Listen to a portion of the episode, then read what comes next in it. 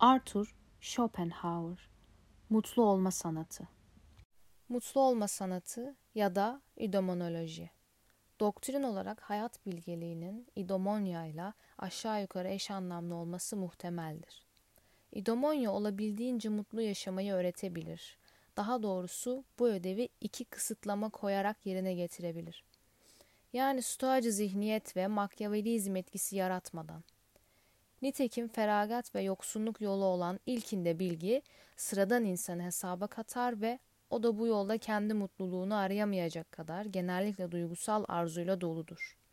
İkincisinde yani kendi mutluluğuna geri kalan diğer herkesin mutluluğu pahasına ulaşmanın maksimi olan Makyavelizmde ise bunun için gereken akıl sıradan insanda öngörülebilir değildir. Şu halde Üdomonya'nın alanı stoacılık ile Makyavelizm arasında bir yerdedir. Gerçi her iki aşırı uç da daha kestirmedir. Fakat hedefe giden yollarının başarısızlığa mahkum olduğu göz önünde bulundurulursa Üdomonya büyük bir feragatte bulunmadan ve kendini zapt etmeden amaçları için olası araçları gözetmekten başka bir şey yapmayan diğerleri olmadan nasıl olabildiğince mutlu yaşanabileceğini öğretir. En başta pozitif ve kusursuz bir mutluluğun imkansız olduğu önermesi yer alır. Oysa sadece nispeten daha az acı çekilen bir durum beklenmelidir. Bununla birlikte bu konudaki kavrayışımız hayatın izin verdiği mutluluğa erişmemize büyük ölçüde yardımcı olabilir. Üstelik bunun araçları sadece kısmi olarak bizim elimizde olsa bile gücümüz dahilinde olan. Dahası bu da iki maddeye ayrılır. Bir, kendimize karşı davranışımıza ilişkin kurallar.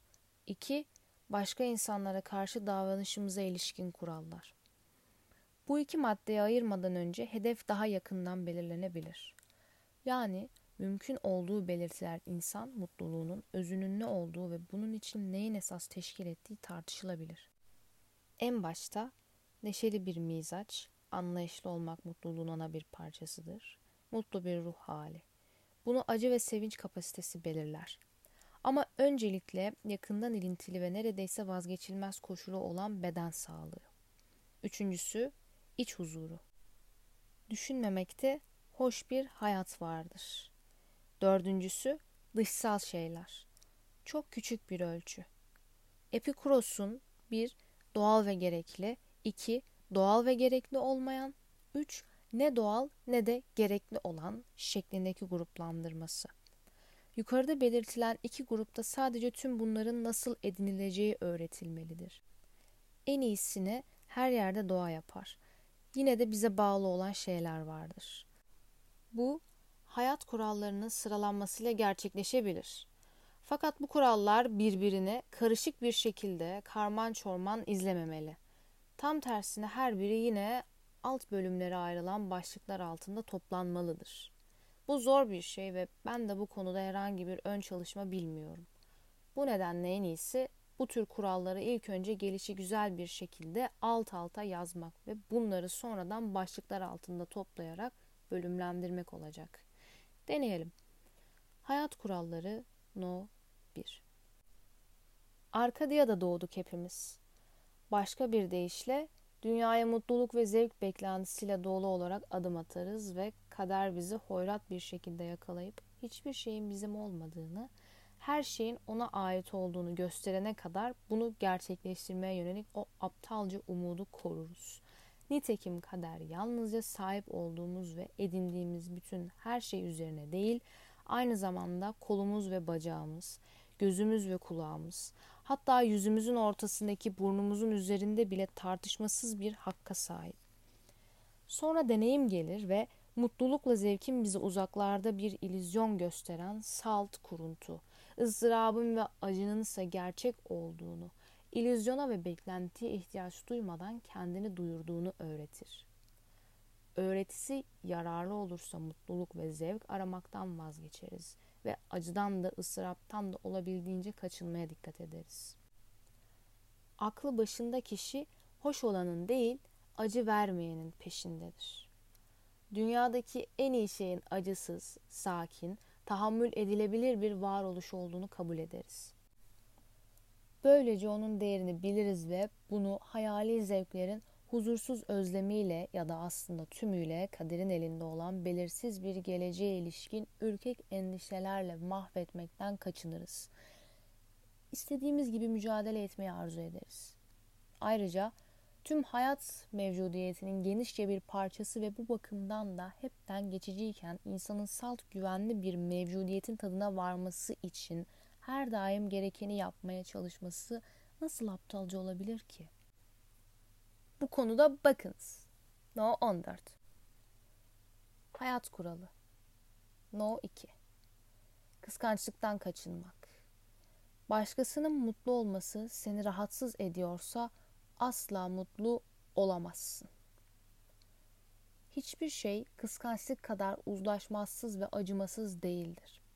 Yine de kıskançlık uyandırmak için durmaksızın çaba harcarız.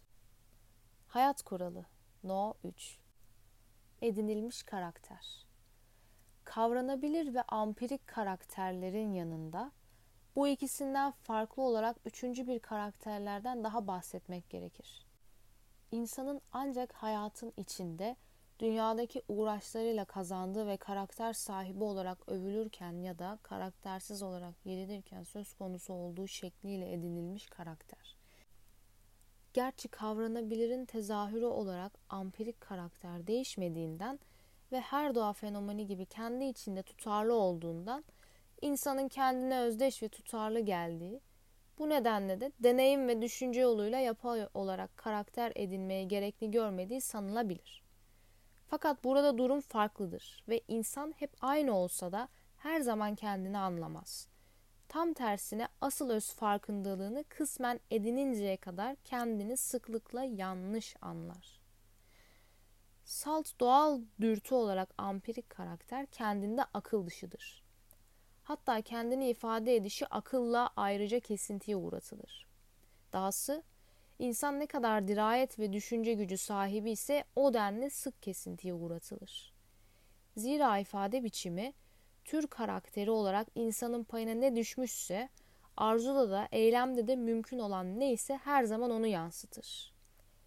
Böylece insanın bireyselliği dolayısıyla sırf başkalarından istediği ve yapabildiği şeyler konusunda içgörü edinmesi zorlaşır kendinde farklı farklı insani amaçlara ve güçlere karşı doğuştan gelen bir yetenek bulur. Fakat bunun deneyim olmaksızın kendi bireyselliği içindeki farklı derecesinin farkına varmaz. Gerçi Salt kendi karakterine uygun çabalara yönelse bile özellikle de belirli anlar ve ruh hallerinde ilkinin peşinden rahatça gitmek istediğinde büsbütün bastırılması gereken o zıt Dolayısıyla bağdaşmaz itkiyi hisseder.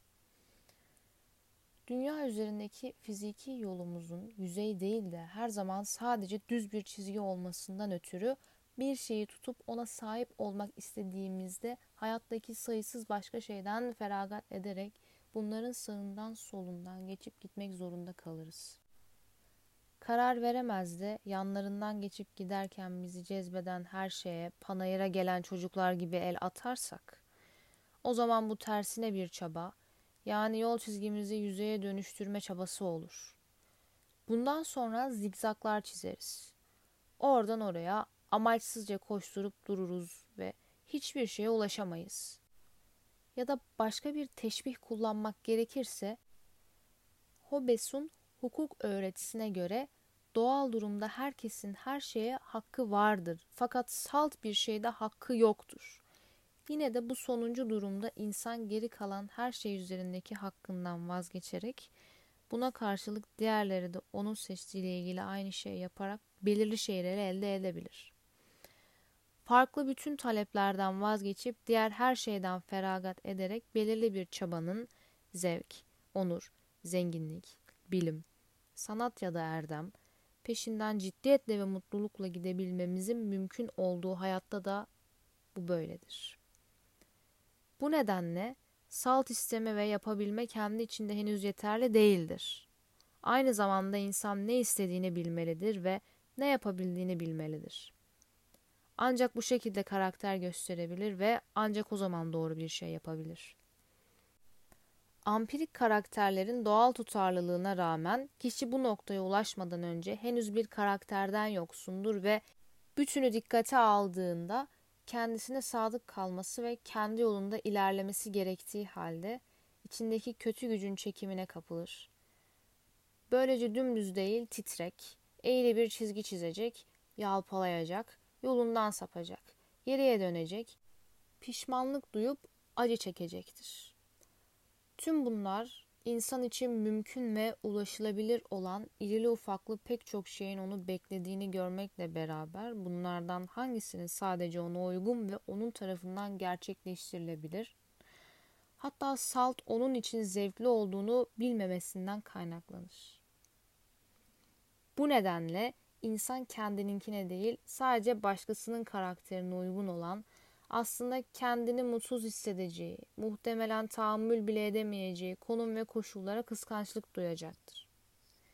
Zira nasıl ki balıklar suda, kuşlar havada, köstebek toprağın altında rahatsa, her insanda sadece kendine uygun atmosferde rahat eder.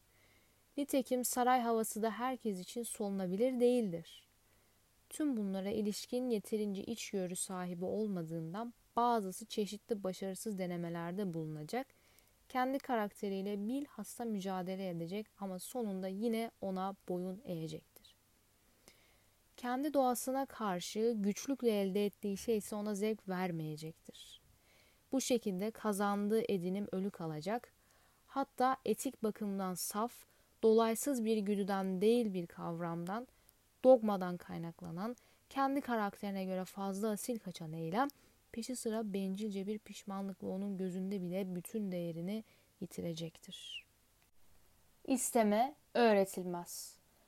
Başka karakterlerin boyun eğmeyen niteliğini ancak deneyim yoluyla ayrımsadığımız ana dek bir insanın mizacını terk etmeye, davranış biçimini değiştirmeye, düşünce biçiminden caymaya ya da yeteneklerini geliştirmeye akılcı fikirlerle, rica ve yakarışlarla, misaller ve yüce gönüllülükle sevk edebileceğimizi çokça inandığımız gibi kendimiz hakkında da böyle hissederiz. Ne istediğimizi ve ne yapabildiğimizi ancak deneyimden öğrenmek zorunda kalırız. O ana dek bunu bilmeyiz. Karakterden yoksunuzdur ve dışarıdan gelen sert darbelerle çoğu zaman kendi yolumuza gerisin geri fırlatılmak zorunda kalırız.'' Nihayet öğrendiğimizde ise dünyada karakter denen şeye, edinilmiş karaktere erişmiş oluruz. Demek ki bu, bireyselliğe ilişkin olabildiğince eksiksiz bilgiden başka bir şey değildir. Bu, insanın kendi ampirik karakterinin değiştirilemez özelliklerine, zihinsel ve bedensel güçlerinin ölçüsüne ve yönüne, yani kendi bireyselliğinin bütün güçlü ve zayıf yanlarına ilişkin soyut, Dolayısıyla da açık seçik bir bilgidir. Bu bizi kişiliğimizin önceleri kuralsız bir şekilde doğallaştırdığımız, kendi içinde değişmeyen rolünü şimdi ölçülü ve metodik olarak yerine getirme ve kaprislere, zafiyetlere sebebiyet veren boşlukları doldurma durumuna getirir. Bireysel doğamız aracılığıyla zaten gerekli olan davranış biçimini şimdi açıkça bilinçli, bizim için hep hazır ve nazır olan, ruh halinin geçici etkisiyle ya da anın yarattığı izlenimle kendini hiç kaybetmeden, yolda karşılaşılan her ayrıntının nahoşluğu ya da hoşluğuyla sekteye uğramadan, duraksamadan, yalpalamadan, çelişkide kalmadan, sanki sonradan edindiğimiz bir şeymişçesine ölçülü olarak yerine getirdiğimiz maksimlere oturttuk. Bundan böyle gerçekten ne istediğimizi ve ne yapabildiğimizi görmek için acemiler gibi değerlendirme yapmayacağız, denemelerde bulunmayacağız, el yordamıyla aranıp durmayacağız. Tam tersine kati olarak bileceğiz. Her seçimde sırf genel önermeleri tikel durumlara uygulayarak derhal kesin karara varacağız.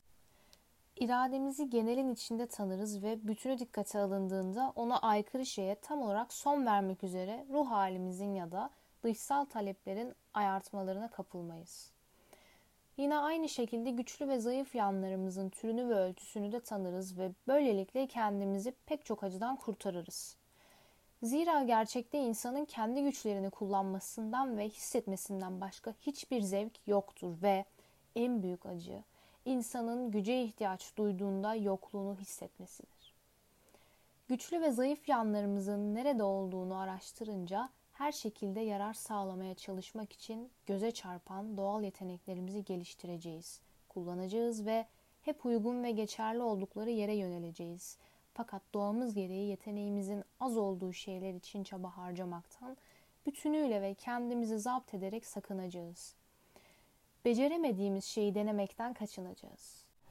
Sadece bu noktaya ulaşan kişi her zaman tam bir dirayetle tamamen kendisi olur ve kendinden ne bekleyebileceğini bildiği için asla hayal kırıklığına uğramaz. Bunun sonucu olarak sık sık güçlü yanlarını hissetmenin sevincini yaşar ve zayıf yanlarının hatırlatılmasının acısını nadiren deneyimler. Sonuncusu belki de en büyük ruhsal acıya sebebiyet veren onur kırıcı bir durumdur. Bu nedenle insan talihsizliğinin kendi beceriksizliğiyle apaçık yüzleşmeye çok daha iyi katlanabilir. Artık güçlü ve zayıf yanlarımızı büsbütün öğrendiğimize göre sahip olmadığımız güçleri göstermeye de denemeyeceğiz.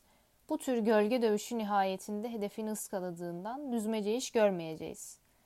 Zira insan tümüyle iradesinin tezahüründen ibarettir.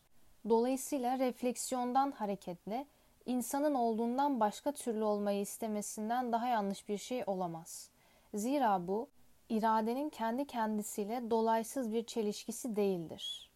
Başkalarının niteliklerini ve özelliklerini taklit etmek, başkalarının kıyafetlerini giymekten çok daha onur kırıcıdır.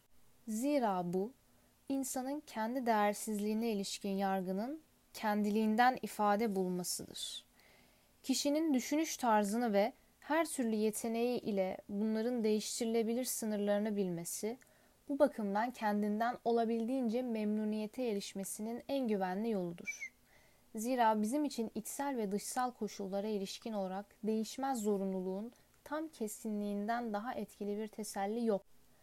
Başımıza gelen hiçbir kötülük bizi bunun önlenebileceği koşulları düşünmekten daha fazla üzmez. Bu nedenle sükunetimiz açısından hiçbir şey tüm tesadüflerin kendilerine hüküm süren kaderlerin araçları olarak gösterdiği ve böylece bizim de meydana gelen kötülüğe, iç ve dış koşulların çatışmasıyla çekildiğimizi kabul ettiğimiz olaylara gereklilik yönünden bakmaktan daha etkili değildir. Yani kadercilik. Aslında biz sırf ya başkaları üzerinde etkili olacağını ya da eşi benzeri görülmemiş bir çabayla kendimizi kışkırtmayı umduğumuz sürece sızlanırız ve öfke duyarız. Fakat çocuklar ve yetişkinler başka türlü olmayacağını açıkça gördüklerinde yetinmeyi çok iyi bilirler. Gemlemek zorundayız göğsümüzdeki yüreğimizi. İşe yaramadığını görene dek günlerce dehşet içinde tepinip mücadele eden, sonra da birdenbire boynunu sakince boyunduruğa doğru uzatan kafese kapatılmış bir file benzeriz. Oğlu hayatta olduğu sürece yakarmalarıyla Yahova'yı sıkıştırıp ümitsizce hareket eden fakat oğlu ölür ölmez bunu bir daha aklına getirmeyen Kral Davud gibiyiz.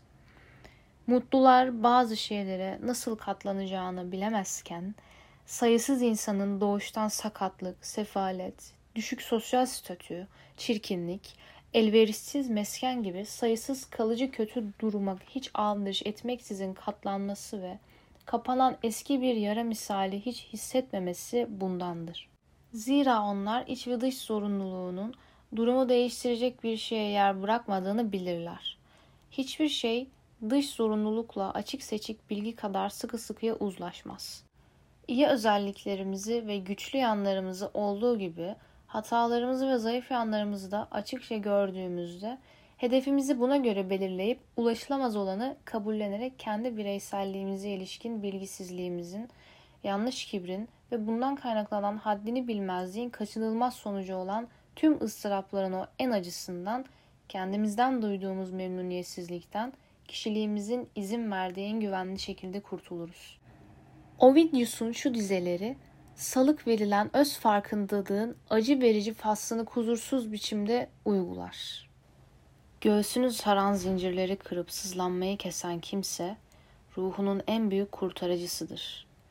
Gerçi hem gerçek etik için hem de dünya hayatı için önemli çok da önemli olmayan, Bununla birlikte ayrıntılı açıklaması kavranabilir ve ampirik karakterlerin yanında üçüncü bir tür olarak sıralanan ve kendinde özgür, hatta her şeye kadir olarak nitelendirilebilecek iradenin tüm tezahürleriyle zorunluluğa tabi olduğunu anlatabilmemiz için biraz ayrıntılı incelemek durumunda kaldığımız edinilmiş karakter hakkında bu kadarı yeter.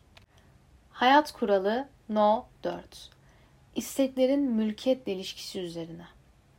İnsan istemeyi aklından geçirmediği malların yokluğunu kesinlikle hissetmez. Bunlar olmaksızın da tümüyle memnundur. Öte yandan yüz kat daha fazlasına sahip bir başkası istediği şey onda olmadığı için kendini mutsuz hisseder.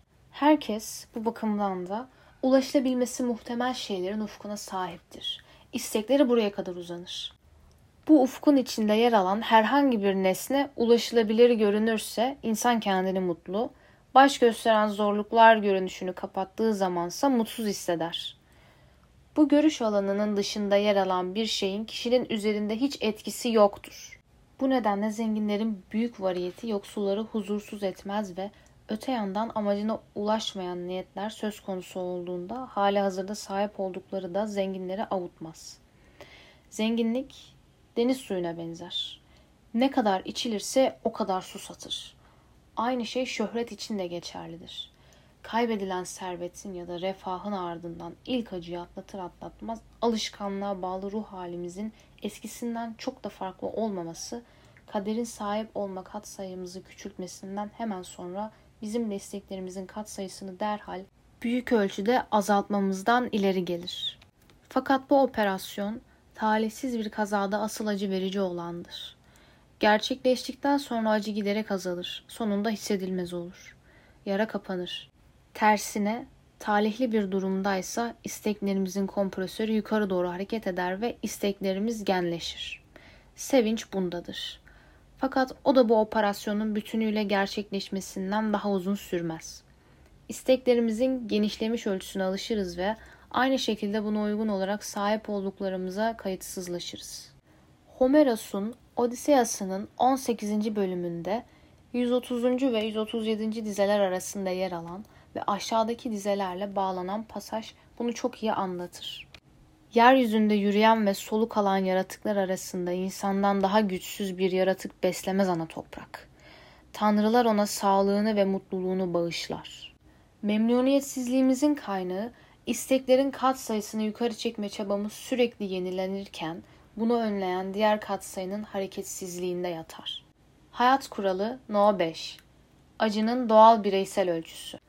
Bununla birlikte insanın acıdan kaçınamayıp birini diğeriyle bastırdığı ve eskisini bırakarak yenisini kendine çektiği yönündeki daha dikkatli bir bakışla her birey için özsel nitelikte olan acının ölçüsünün kendi doğası aracılığıyla kesin olarak belirlendiğine, ıstırabın biçimi ne kadar değişirse değişsin, ölçünün ne boş ne de aşırı dolu olabileceğine ilişkin paradoksal ama tutarsız da olmayan hipoteze yönelebiliriz.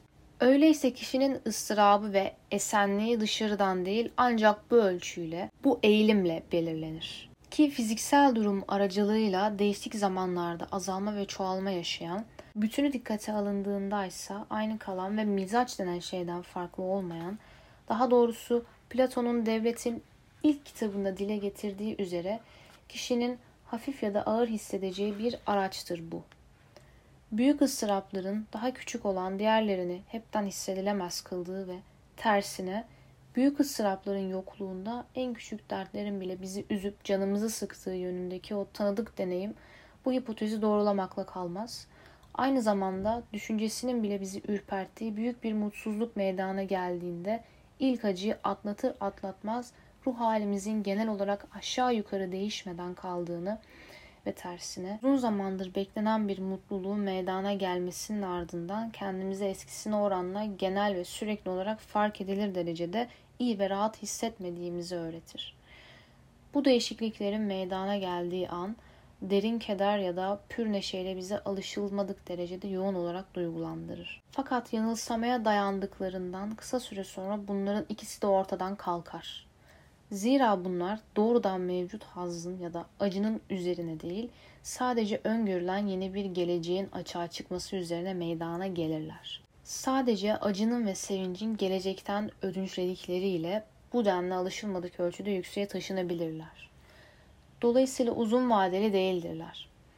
Farkındalıktaki gibi acı ya da esenlik duygusu içinde de çok büyük bir kısmın öznel olduğunu ve belirlenebileceğini ortaya atan hipoteze kanıt olarak insanın neşesinin ya da gamının ilk bakışta dış koşullarla, zenginlik ya da sosyal statüyle belirlenmediği öne sürülebilir. Nitekim zenginler arasında olduğu kadar yoksullar arasında da pek çok neşeli sima ile karşılaşırız.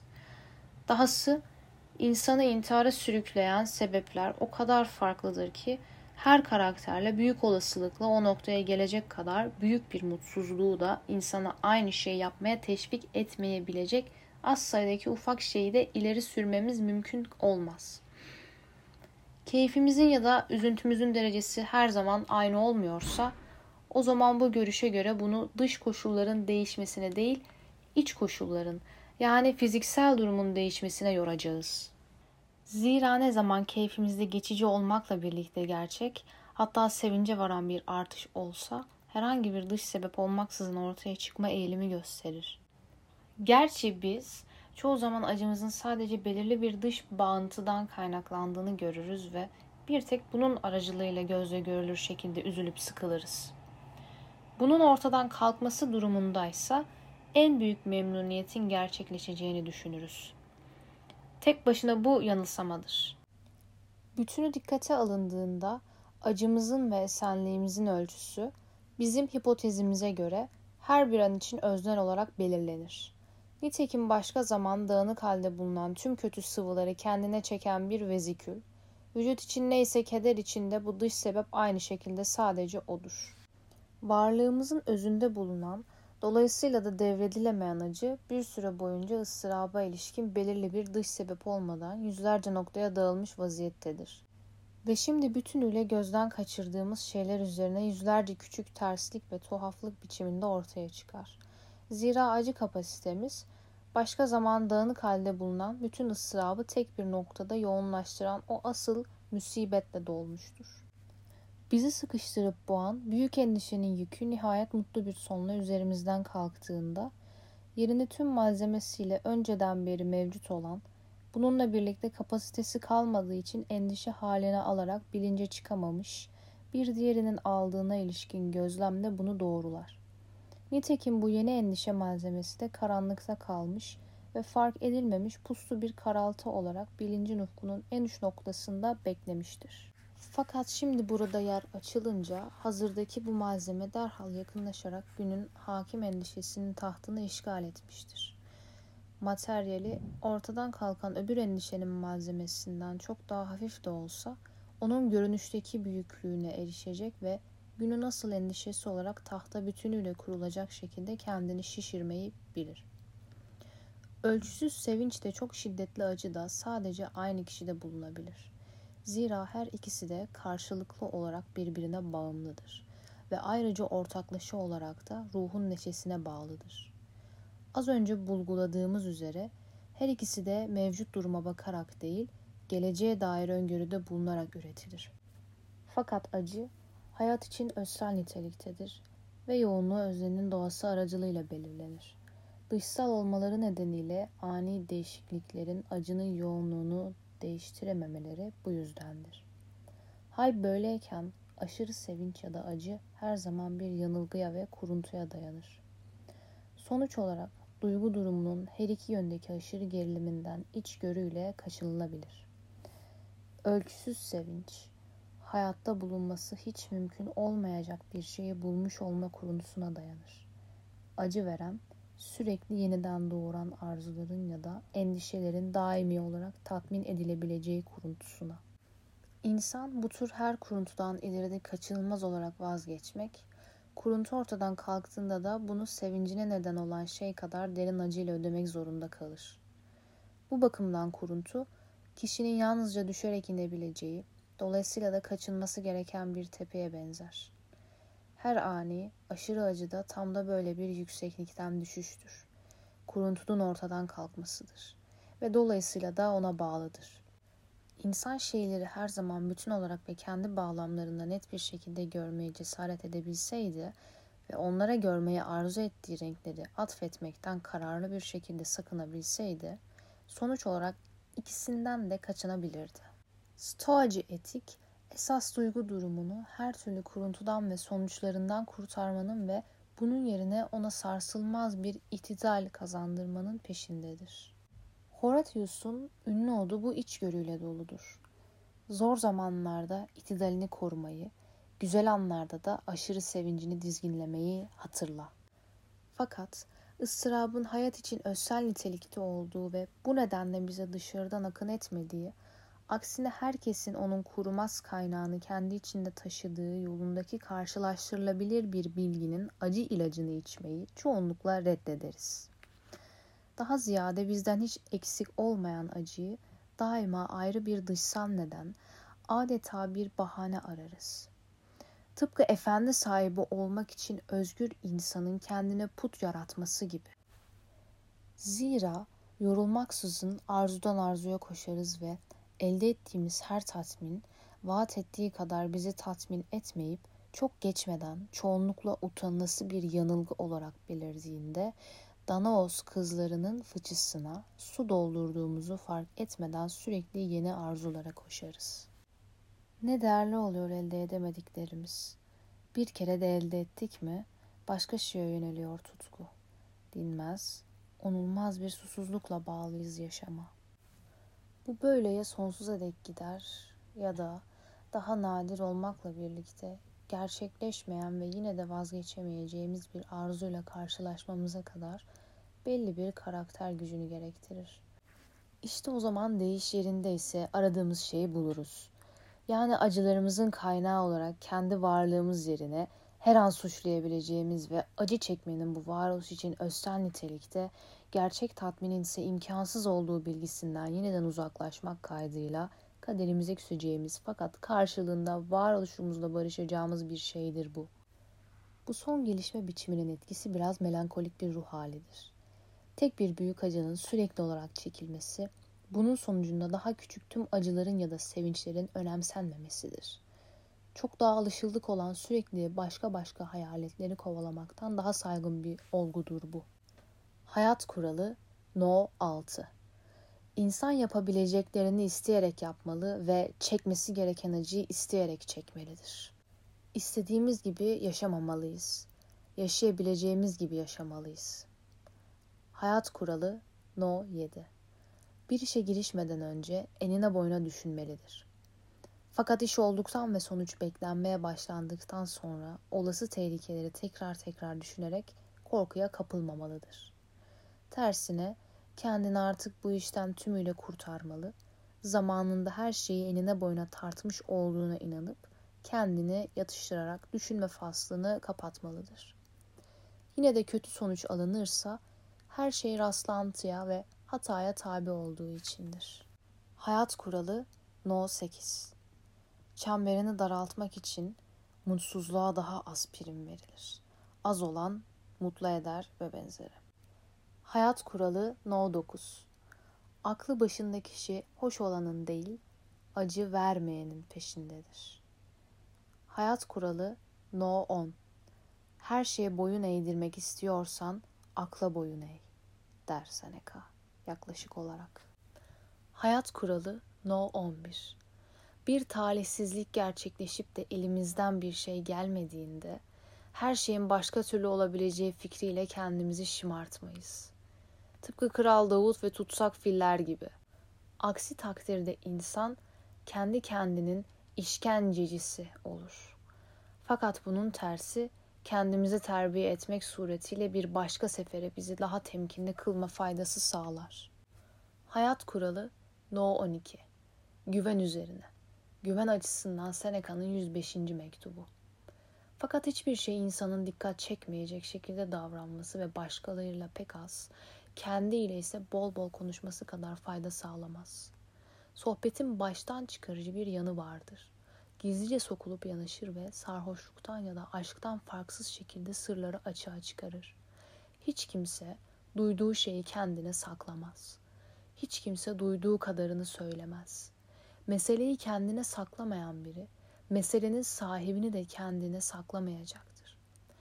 Her insanın ona ne kadar güveniliyorsa o kadar güvendiği biri vardır. Gevezeliğine gem vurup bir insanın kulağıyla yetinse bile nihayetinde yine de insanları bilgilendirecektir. Böylece sır olan bir şey genel sohbetin konusu olacaktır. Hayat kuralı No 13 İnsan neşeli ise neşeli olmak için her açıdan nedeni olup olmadığını düşünerek kendinden izin istemez. Neşeden başka hiçbir şey kendi ödülünden daha emin olamaz. Zira onda ödül ve eylem birdir. Hiçbir şey onun yerini başka şeyler gibi güvenle ve tümüyle alamaz. Zengin, genç, güzel, onurlu bir insanın mutluluğu hakkında yargıda bulunulacak olsa neşeli olup olmadığı tartışma götürür. Oysa insan neşeliyse genç, yaşlı, fakir, zengin olup olmadığının önemi yoktur. Mutludur. Bu nedenle ne zaman olursa olsun neşeye kapı açmalıyız. Zira neşe asla uygunsuz bir zamanda gelmez. Neşeli olmak için nedenimizin olup olmadığını düşünerek ya da bizi ciddi düşüncelerimizden ve yoğun endişelerimizden uzaklaştırmasın diye kapıdan içeri girişine izin vermekle tereddüt etmek yersizdir.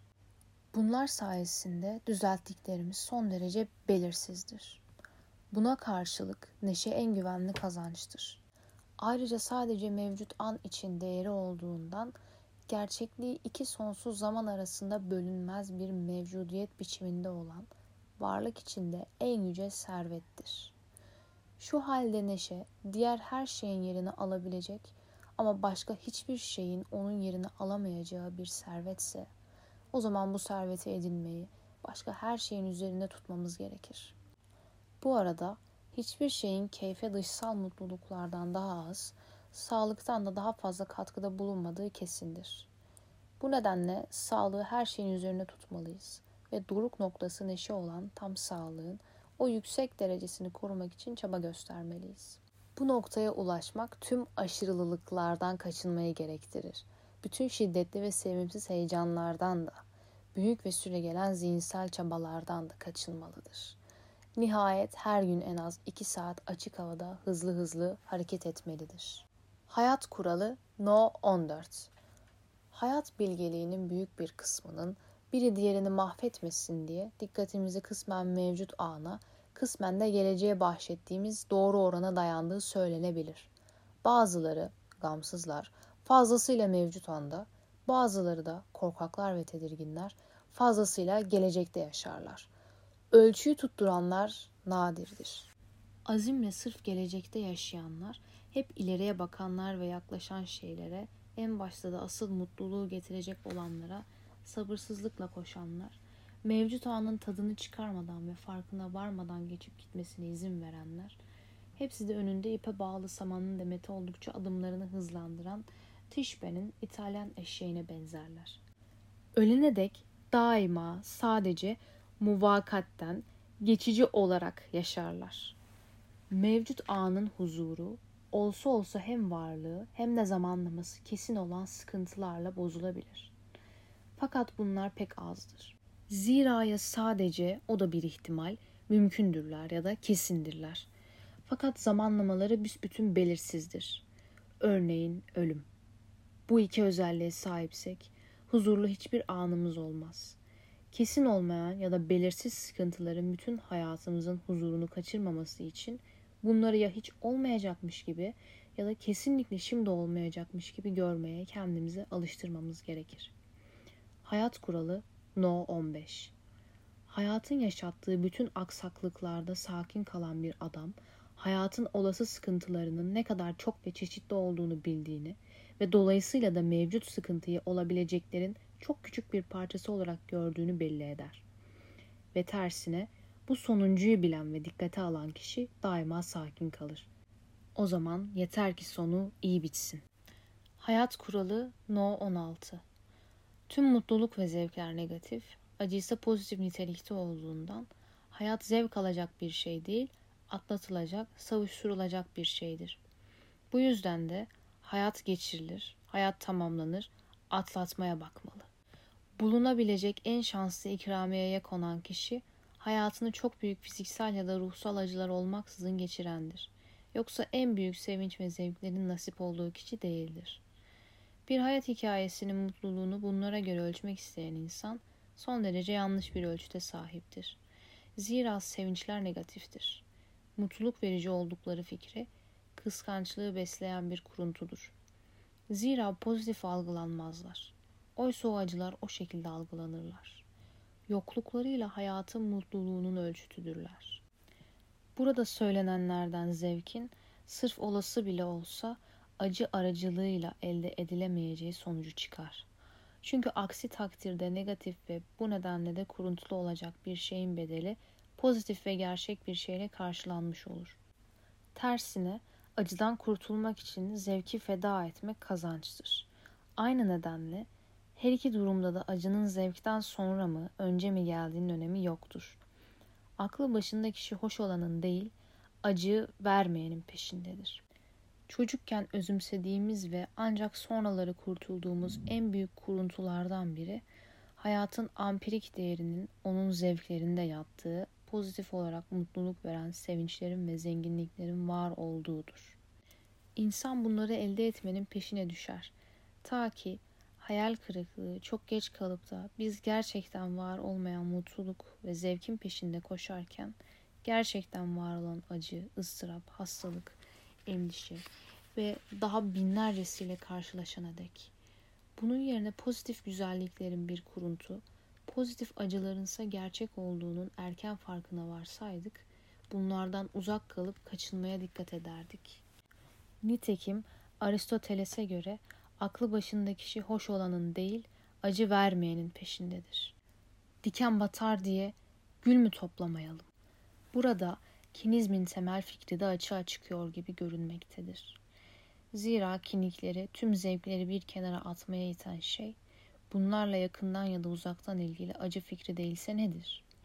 Zevk almaya çalışmaktansa acıdan kaçınmak onlara çok daha önemli gelmektedir.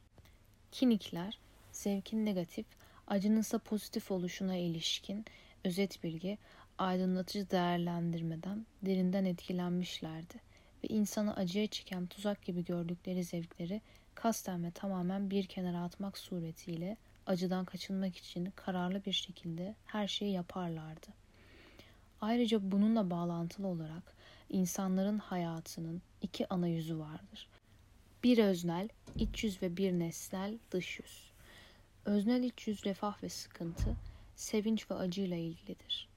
Bu noktada neye bağlı kalmamız gerektiğini belirtmiştik ıstırapların derecesinin ve sayısının olabildiğince az olması burada ulaşılabilecek en üst noktadır. Bu pasif yüzdür. Nesnel, dış yüz yaşayış biçimimizi gösteren imgedir. Rolümüzü yerine getirme tarzımızı gösterir. Güzel ya da kötü hayat. Erdem, kahramanlık, ruhsal kazanımlar burada yer alır. Bu aktif kısımdır. Burada bir insan ile diğeri arasındaki fark Tek ayrılığın biraz daha fazla ya da daha az acı olduğu öbür yüzdekinden sonsuz derecede büyüktür. Bu nedenle hayatımızın bu nesnel yüzü asıl ilgi odağımız güzel hayat olmalıdır. Oysa çoğunlukla öbürüdür, kötü hayat. Eylemlerimiz tam da bu nesnel, dışsal olarak kendini gösteren yüzde yer aldığından Yunanlar erdemi ve ona ilişkin şeyleri hayatın güzel görünen tarafı olarak tanımlamışlardı. İşte tam da sadece bu kısımda insandan insana büyük farklar olduğundan burada ilk sırayı alan kişi bile o ilk tarafta geri kalan herkesle tümüyle aynı durumdadır. Pozitif mutluluk onun içinde yoktur. Oysa pozitif acı vardır. Diğer herkes için olduğu gibi. Sana görünen defne çelengi, mutluluktan çok acının işareti. Hayat kuralı No 17 Refahımız ve sıkıntılarımız, Umutlarımız ve korkularımızla ilgili bütün her şeyde hayal gücümüzü dizginlememiz gerekir. İnsan olası mutlu rastlantıları ve bunların sonuçlarını hayalinde canlandırırsa gerçekliği daha zevksiz hale getirir. Boş hayaller kurar ve sonra da hayal kırıklığı yaşayarak bunları pahalıya öder. Fakat olası talihsizliklerin hayalde canlandırılmasının sonuçları daha da kötüdür. Gracia'nın söylediği gibi hayal gücünü dizginlemek bu çılgınların evlerindeki cellada dönüşür. Hayal gücünü bizim çirkin celladımıza dönüştürebilir. Aslında uğursuz, karanlık hayallere ilişkin motifler belli bir mesafeden ele alınsa ve özgür iradeyle seçilse belki daha iyi olurdu.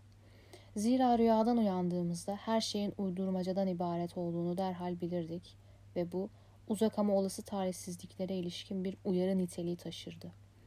Her ne kadar yararlı olabilecekse de hayal gücümüz bir tek bu tür şeylerle uğraşma eğiliminde değildir. Büsbütün yararsız şekilde boş hayaller kurar.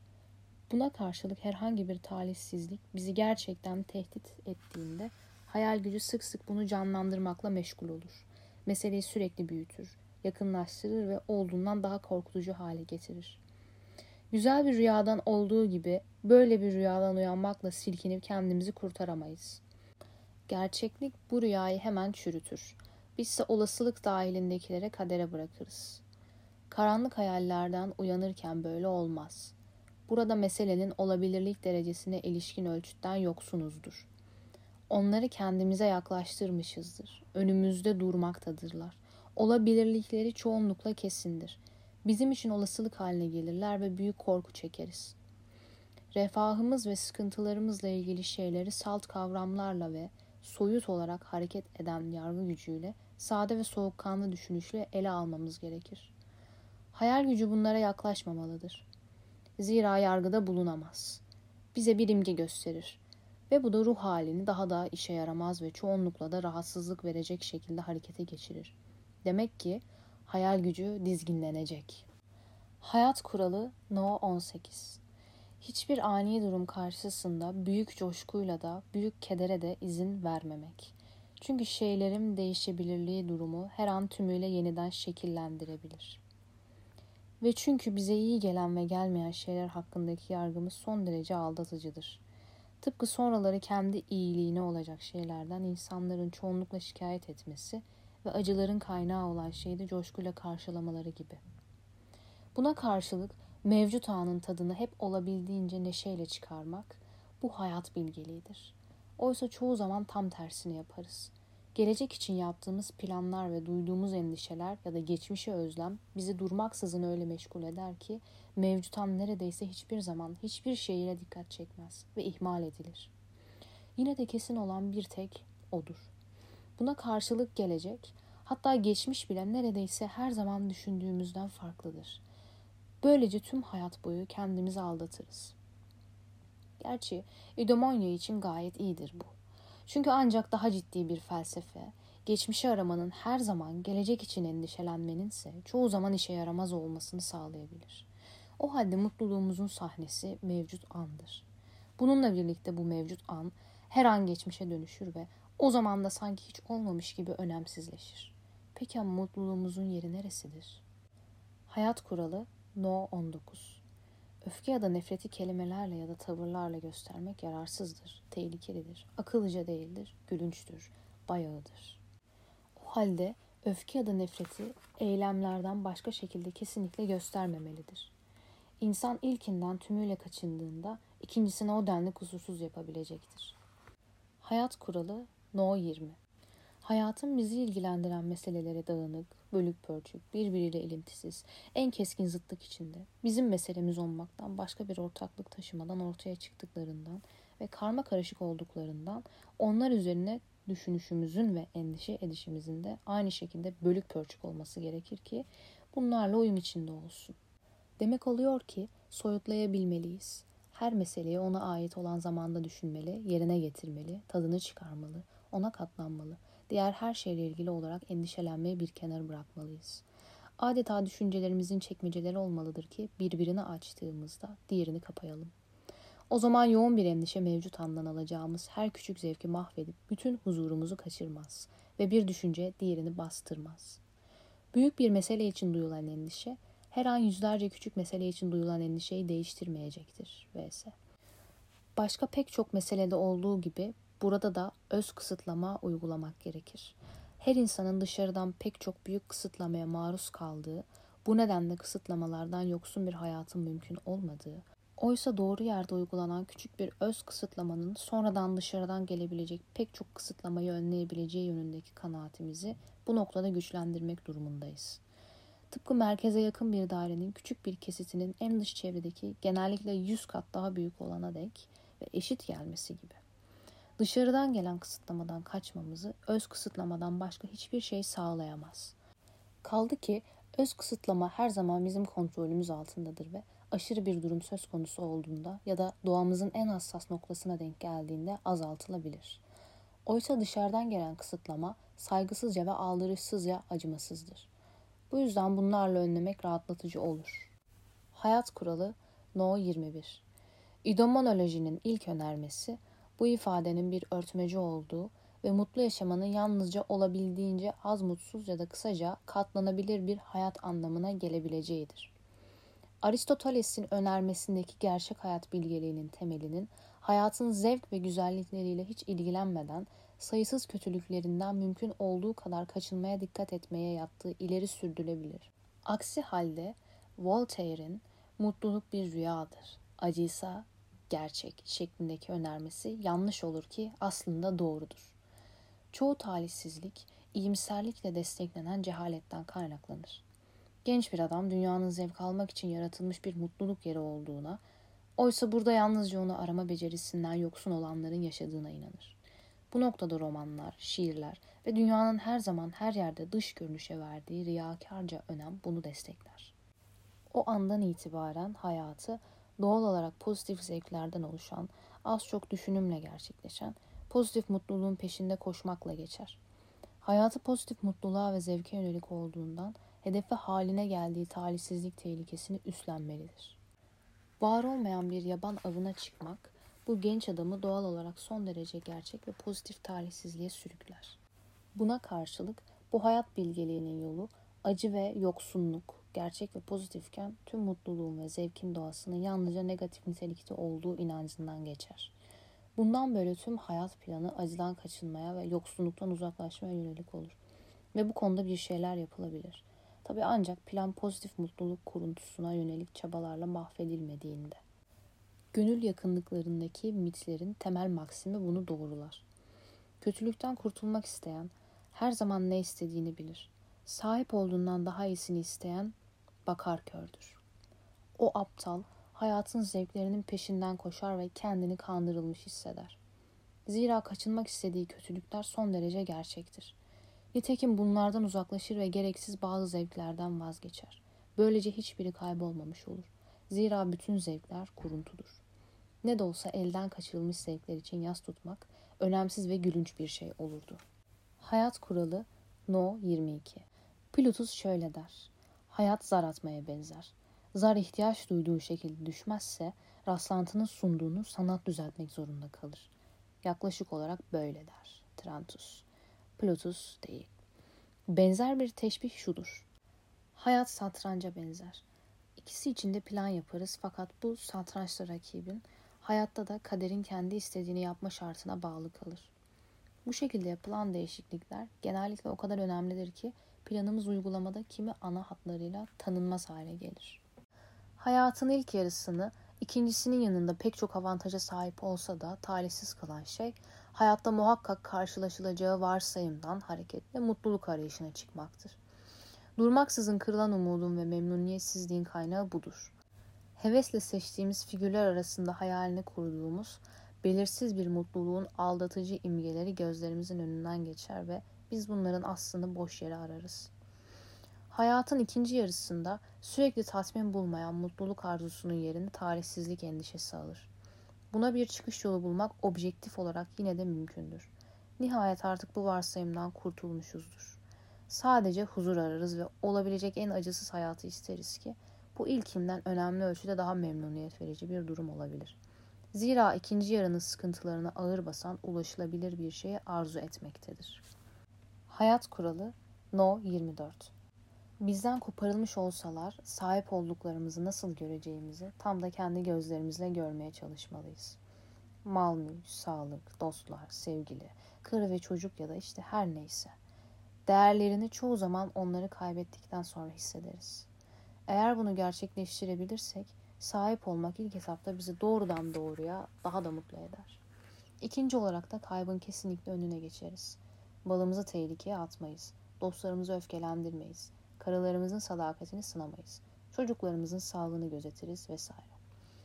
Sahip olmadığımız şeylere bakarken benim olsaydı nasıl olurdu diye düşünme eğilimindeyizdir. Ve işte böylece yokluğu hissederiz. Oysa bunun yerine sahip olduğumuz şeyler için sık sık şunu düşünmemiz gerekirdi. Bunu kaybetsem ne olurdu? Hayat kuralı No 25 Arzularımıza hedef koymak, ihtiraslarımızı dizginlemek, öfkemize hakim olmak, insanın arzu ettiği şeylerin son derece küçük bir kısmının ulaşılabilir ve pek çok kötülüğün kaçınılmaz olduğunu hatırda tutmak. Bu şekilde katlanıp vazgeçebiliriz. Kaldı ki en büyük servete ve en büyük güce sahip olduğumuzda kendimizi yoksul hissederiz. Yaptığın işin arasında hep oku ve bilgi insanlara danış. Hayatı nasıl kolayca idare edebilirsin? Hırs daima muhtaç olan sana işkence etmesin. Az da olsa faydalı şeyler için korku ve umut da olsun diye. Hayat kuralı No 26 Bizden daha iyi görünenlerdense daha kötü durumda olanları gözlemleyin. Asıl kötülüğümüz için başkalarının çok daha büyük acılar çektiğini gözlemlemekten daha etkili bir teselli yoktur. Bizimle aynı durumda olan dert ortağı, acıdaşla ilgilenmenin yanı sıra. Hayat kuralı No 27 Ömre dair Yaşlılıktaki sevinç, yoksunluğuna acımak ve bazı zevklerden mahrum olduğu için üzüntü duymak bir yanılgıdır. Her türlü zevk görecelidir. Bir ihtiyacı tatmin etmekten, gidermekten ibarettir. İhtiyacın ortadan kalkmasıyla zevkin de yok olması, insanın doyduktan sonra yemeğe devam edememesi ya da uykusunu aldığı bir gecenin ardından daha fazla uyuyamaması kadar az acınası bir durumdur. Platon'un Devlet 1, kadınlara yönelik arzu nihayet dindiği için mutlu geçtiğini belirttiği yaşlılık konusundaki tahmini çok daha doğrudur. Rahatlık ve güvenlik yaşlılığın asıl ihtiyaçlarıdır. Yaşlılıkta bu yüzden her şeyden önce para sevilir. Eksilen güçlerin yerine. Yanı sıra aşkın zevklerinin yerine yemek yemenin zevkleri geçer. Görme, seyahat etme ve öğrenme ihtiyacının yerini öğretme ve konuşma ihtiyacı alır. Fakat çalışma, müzik, hatta tiyatro sevgisini koruması yaşlı insan için bir mutluluktur. Hayat kuralı No 28 Epikuros'un önermesi Doğaya göre zenginlik sınırlıdır ve elde edilmesi kolaydır. Boş fikirlere süslediği zenginlik sonsuzlukta ufalanır. Bazı ihtiyaçlar doğal ve gereklidir. Bazıları doğal ve gerekli değildir. Bazıları ne doğal ne de gereklidir. Hayat kuralı No 29 Faal olmak, bir şeyler yapmak, hatta bir şey öğrenmek bile insanın mutluluğu için gereklidir. İnsan güçlerini faaliyete geçirmek ve bu faaliyetlerin başarısını bir şekilde algılamak ister. Belki de bu güçlerinin ihtiyaçlarını karşılayabileceğini kefalet ettiği içindir. Bu nedenle insan kendini uzun gezilerde bazen çok mutsuz hisseder. Çabalamak ve direnerek mücadele etmek insan doğasının en temel ihtiyacıdır. Rahat keyif anlarıyla bütünüyle yetinecek bir hareketsizlik insan için pek mümkün değildir. Engelleri aşmak insan varoluşunun en büyük zevkidir. Onun için daha iyi bir şey yoktur. Engeller harekete geçmekte ve bir şeyler yapmakta olduğu gibi sırf maddi nitelikte olabilir ya da öğrenmekte ve araştırmakta olduğu gibi düşünsel nitelikte olabilir. Bunlarla mücadele edip zafer kazanmak insan varoluşunun en büyük zevkidir.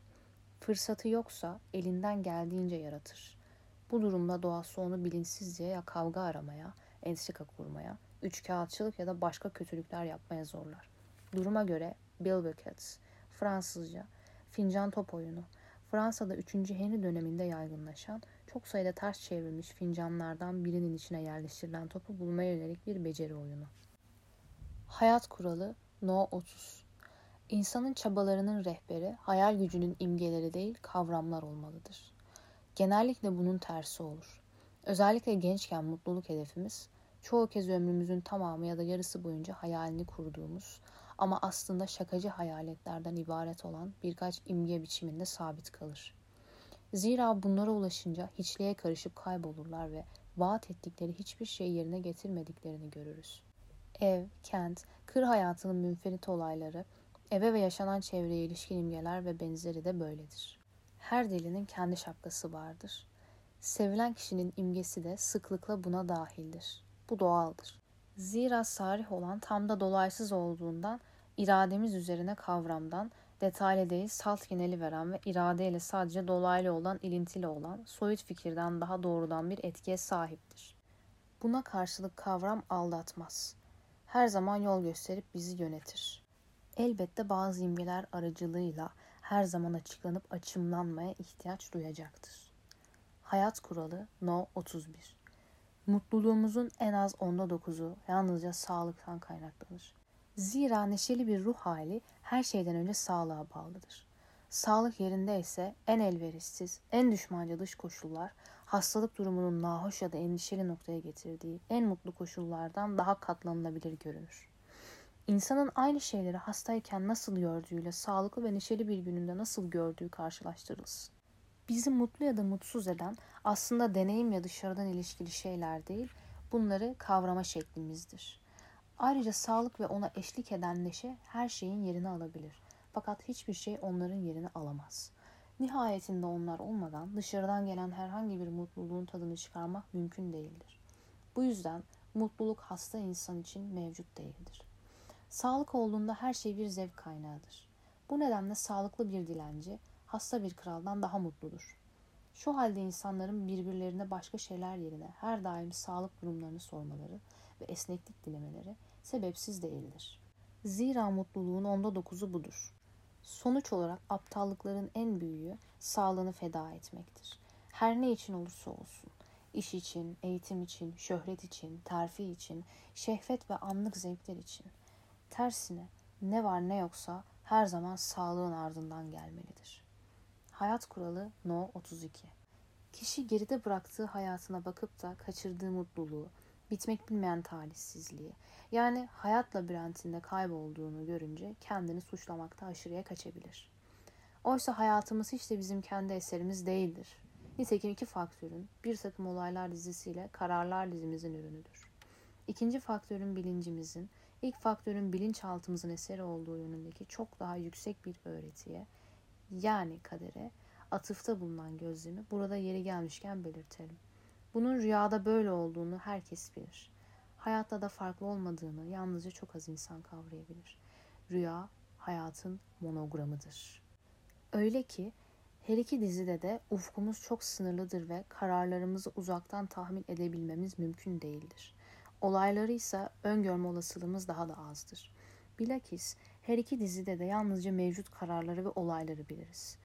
Hedefimiz henüz uzaktayken dost doğru ona gidemememiz, yalnızca tahminler ve varsayımlarla yaklaşık olarak yönelebilmemiz bu yüzdendir. Yani bizi asıl hedefimize yaklaştırdığı umuduyla her an koşullar dairesinde karar vermek zorunda kalırız. Böylece mevcut koşullar ve asıl niyetlerimiz aşırı yönlere doğru çekilen iki farklı kuvvetle karşılaştırılabilir ve buradan ortaya çıkan diagonal bizim hayatımızdır. Hayat kuralı No 33 Hayat planlarımızda en sık, hatta neredeyse zorunlu olarak dikkate almadığımız ve hiç hesaba katmadığımız şey zamanın bizzat bizde meydanı getirdiği değişimlerdir. Elde ettiğimizde artık bize uygun olmayacak şeyler için dedinip durmamız ya da bir işin farkına varmadan gücümüzü çalan hazırlık çalışmalarıyla yıllarımızı harcamamız bundandır. Hayat kuralı No 34 Çok mutsuz olmamanın en güvenli yolu çok mutlu olmayı istememek. Yani zevk, mülk, paye, onur ve benzeri taleplerini ölçülü bir düzeye indirmektir. Zira tam da mutluluk için çabalayıp mücadele etmek büyük talihsizlikleri kendine çeker. Fakat bu da akıllıca ve tavsiye edilebilir bir durumdur. Çünkü çok mutsuz olmak aslında çok kolaydır. Oysa çok mutlu olmak sadece zor değil, aynı zamanda imkansızdır da. Mutluluğun özellikle pek çok gereklilik vasıtasıyla geniş bir temel üzerine inşa edilmesi uygun değildir. En kolay böyle bir temel üzerine inşa edilen mutluluk çöker. Çünkü mutluluk binamız bu bakımdan geniş bir temel üzerinde sağlam bir şekilde kurulu olan diğer hepsine zıttır. Her türlü araçla ilgili taleplere olabildiğince mütevazı tutmak büyük talihsizliklerden kaçınmanın en güvenli yoludur. Zira pozitif mutluluk bir kuruntudur. Oysa acı gerçektir. Hayat kuralı No 35 Herkes farklı bir dünyada yaşar ve bu kafaların farklılığına göre değişkenlik gösterir. Buna göre dünya yoksul, boş, yalın ya da zengin, ilginç, anlamlı olabilir. Kaderin, koşulların, çevrenin, herkesin dünyasında yarattığı fark bile bundan daha az önemlidir.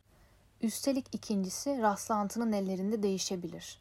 Oysa ilki doğa tarafından geri döndürülemez şekilde belirlenmiştir. Bu nedenle kişinin hayatta iyi ya da kötü başına gelenin ve ne yaşadığının, bunu nasıl algıladığından, yani her türlü duyarlılık biçimi ve derecesinden çok daha az önemi vardır. Kişi çoğu zaman başka birinin hayatındaki bazı ilginç olaylar dolayısıyla onu haksız yere kıskanır. Duyarlılığı dolayısıyla onu kıskanmak yerine bilgisi dahilindeki o olaylar bu sayede ilginç görünebilir. Bir dahinin başına gelen son derece ilginç bir olay, boş bir kafa için gündelik dünyanın yavan bir sahnesi olacaktır. Yine bu şekilde melankolik biri için bir trajedi sahnesi, soğukkanlı ya da iyimser birine göre çok daha az şey ifade edecektir. Bu nedenle büyük ölçüde sağlığa bağlı olan neşeli, mutlu bir ruh halini ve sağlıklı bir zihni korumaya özen gösterip dışsal şeylere sahip olmayı daha az önemsemeliyiz. Sağlam kafa, sağlam vücutta bulunur. İdomonya'nın başında sahip olduklarımızın ve hayal ettiklerimizin olduğumuz şey karşısında son derece tali şeyler olduğunu söylemiştim. Yalnızca bilinç durumu kalıcıdır ve sürekli olarak etkilidir. Geri kalan her şey yalnızca geçici etkiye sahiptir. Fakat zihnin irade üzerindeki hakimiyeti ki irade hep çok acı çeker ama gerçek sevince neden olduğu nadirdir. Servetin satın aldığı tüm o insanı oyalayan şeylerden çok daha fazlasını elde eden, can sıkıntısını savan ve insanları kendi içinde zenginleştiren zihnin muazzam canlılığı ve kapasitesi, ayrıca akla uygun, memnun bir ruh hali, bütün bunlar çok önemli şeylerdir. Varoluşumuzun mutluluğu bakımından bilinç durumu kesinlikle en önemli şeydir. Zira dolaysız olan yalnızca bilinçtir. Diğer her şey dolaylıdır. Tamamıyla böyledir. Hayatımız bitkilerinki gibi bilinçsiz değil, bilinçli bir hayat olduğundan, yani esas ve daimi koşul olarak bir bilince sahip olduğundan, bu bilinç durumunun ve kusursuzluk derecesinin uygun ya da uygun olmayan bir hayat için en gerekli şey olduğu açıktır. Hayat kuralı No 36 Daha önce de özgürlük üzerine inceleme söylediğim gibi hayatımızın en rastlantısal olaylarının da arkasında duran gizli güçten ki ayrıntılı olarak bahsetmiştim ötürü her olayı gerekli olarak görmeye, hatta geri döndürülemez biçimde önceden belirlenmiş olarak tıpkı okunan bir romandaki olay gibi alışmamız gerekir. Kaderciliğin teskin edici bir yanı vardır ve esasında doğrudur. Bununla birlikte buradan çıkan sonuç karşı çıkılamaz bir biçimde salt nedensellik yasasıdır. Aslında olası olan her zaman sadece, sadece gerçekten olanlar olası olur ve gerçek olan her şey gereklidir de. Gerçekten olmuş ya da henüz olacak olandır. Fakat olasılığın alanı gerçekliğinden çok daha büyüktür. Bu kısmen sadece görünüşte böyledir. Zira kavram tek bir hamleyle bütün bir sonsuzluğu kapsar. Buna karşılık sonsuzluğun gerçekleştiği sonsuz zaman bize verilemez. Bu yüzden de tıpkı zaman gibi sonsuz olan gerçekliğin alanını tümüyle gözden kaçırırız. Daha küçük görünmesi bundandır. Kısmen de salt teorik bir olasılık söz konusudur. Yani şöyle, olabilecek olan olasıdır. Fakat olabilecek olan kesin olarak olur. Çünkü aksi takdirde olamaz. Gerçeklik olasılığın öncüleri sağladığı bir sonun sonucudur.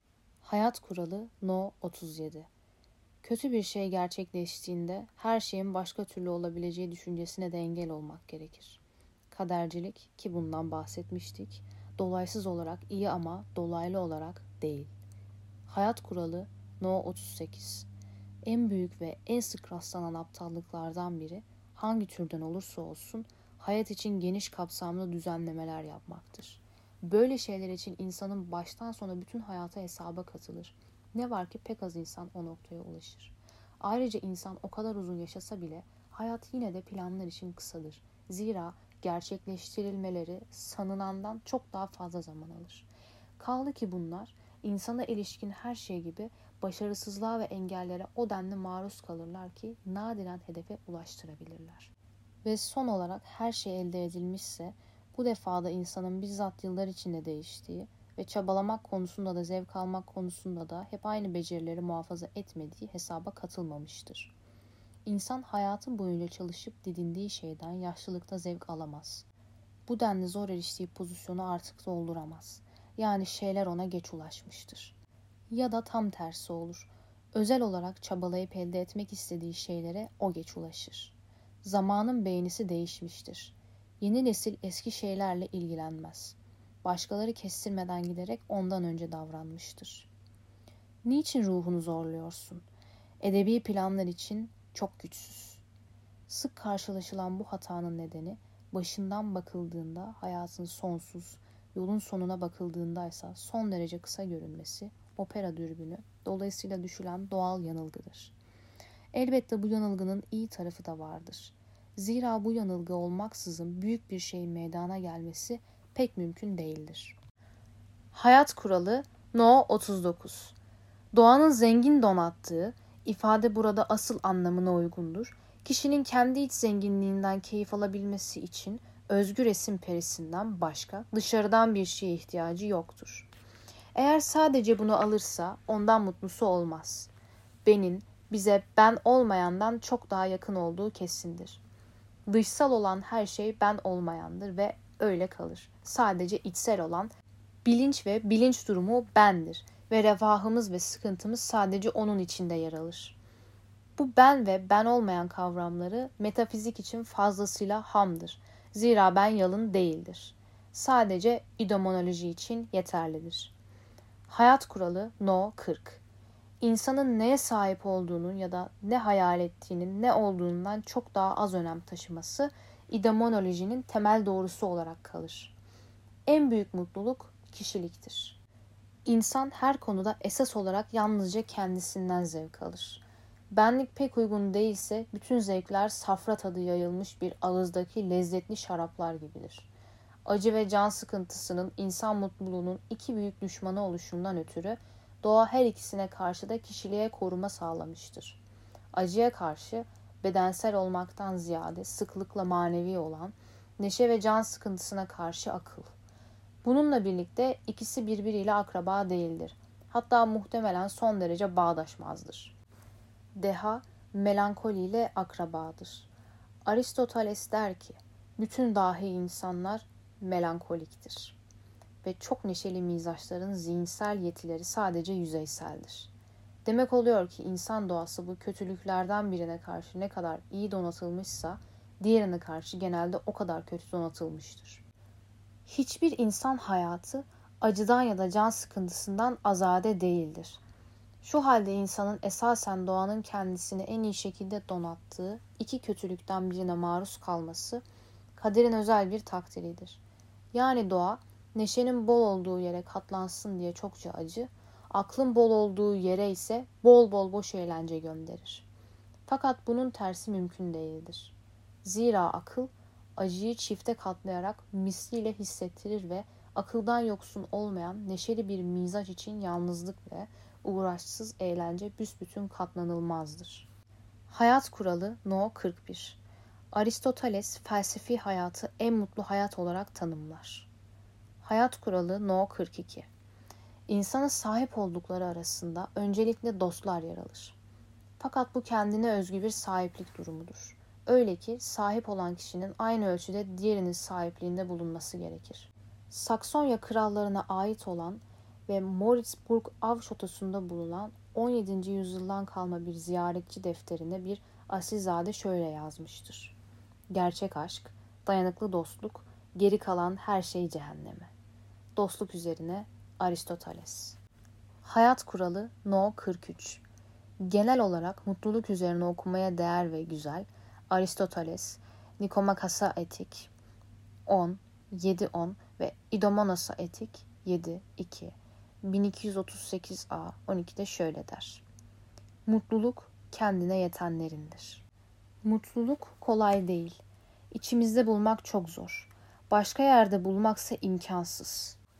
Hayat kuralı No 44 Mutlu bir varoluşun tanımı şöyle olacaktır.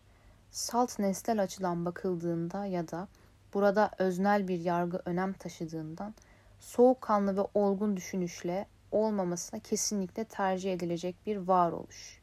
Varoluşa dair böyle bir anlayıştan buna sırf ölüm korkusuyla değil kendi iyiliğimiz için bağlı olduğumuz sonucu çıkar. Nitekim buradan da bunun sonsuza dek sürmesini istediğimiz sonucu ulaşırız. İnsan hayatının varoluşa dair böyle bir anlayışa uyup uymadığı, bilindiği gibi benim felsefemin olumsuzladığı bir sorudur. Bununla birlikte idomonoloji bu sorunun kendiliğinden olumlanmasını gerektirir. Hayat kuralı No 45 Her gerçeklik yani gerçekleşen her mevcudiyet iki yarıdan sudaki oksijen ve hidrojeninki kadar gerekli ve özsel bir birleşim halindeki nesne ve özneden oluşur. Nesnel yarının bütünüyle özdeş ama öznel yarının farklı olduğu ya da tam tersi durumlarda gerçeklik ya da mevcudiyet artık aynı değildir. Öznel yarının ruhsuz, kötü olduğu durumlarda en güzel ve en iyi nesnel yarı sadece kötü bir gerçeklik ve mevcudiyet sunabilir. Tıpkı kötü havada güzel bir yöre gibi ya da engebeli bir yüzey üzerine yerleştirilen kötü bir karanlık oda, kutu, duvarında küçük bir delik bulunan kapalı bir mekanda delikten geçen ışığın dışarıdaki görüntünün baş aşağı gelmiş yansımasını oluşturduğu düzenek gibi. Nesnel yarı kaderin elindedir ve değişkendir. Öznel yarı kendimizdir ve bu da esasen değişmezdir. Buradan anlaşılıyor ki çoğu zaman sadece kader ve sahip olduklarımız hesaba katılsa da mutluluğumuz aslında kim olduğumuza, bizim bireyselliğimize bağlıdır. Kader düzelebilir ve yetingenlik ondan çok şey talep etmez. Fakat ahmak her zaman ahmaktır ve ruhsuz bir hödük, sonsuza dek ruhsuz bir hödük olarak kalır. İsterse cennette çevresini huriler sarsın. En büyük mutluluk kişiliktir.''